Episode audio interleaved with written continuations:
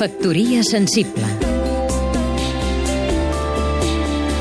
Josep Maria Martí Font, periodista cultural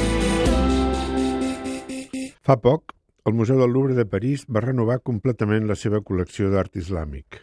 Amb els fons de la Fundació del Príncep Saudita Al-Walid bin Talal, els arquitectes Mario Bellini i Rudy Ricciotti van utilitzar l'espai de la Cur Visconti, cobrint-la amb un espectacular sostre de vidre ondulat que deixa passar la llum natural. El que es pot veure amb els 2.800 metres quadrats d'exposició és molt, obres de tots els gèneres artístics, així com objectes científics i de tota mena, que provenen de llocs tan distants com el nord d'Àfrica, la península Ibèrica fins a l'Índia o Indonèsia. Hi ha mosaics romans, grecs i bizantins, bellíssimes ceràmiques, teixits coptes, rajoles perses, etc.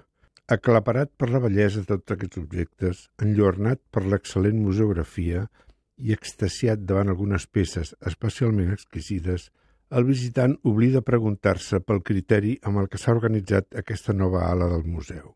La resposta és simple. Tot el que hi ha procedeix de països en els quals la religió majoritària és o ha estat l'islam. Per què es representa una civilització sota el nom de la religió predominant? Pot un astrolabi ser considerat un objecte islàmic? Ens atreviríem a fer alguna cosa semblant sota el concepte d'art cristià?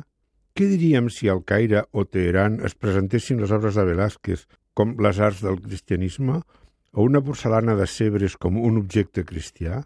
En un París, encara sota els efectes dels recents atemptats jihadistes, en una Europa agitada per la por a tot el que arriba del convuls món islàmic, on l'altre es defineix precisament per la religió, la reflexió és decebedora. Lamentablement, ningú, ni el Louvre, escapa a la confusió interessada.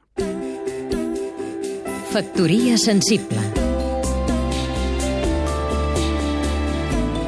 Seguim-nos també a catradio.cat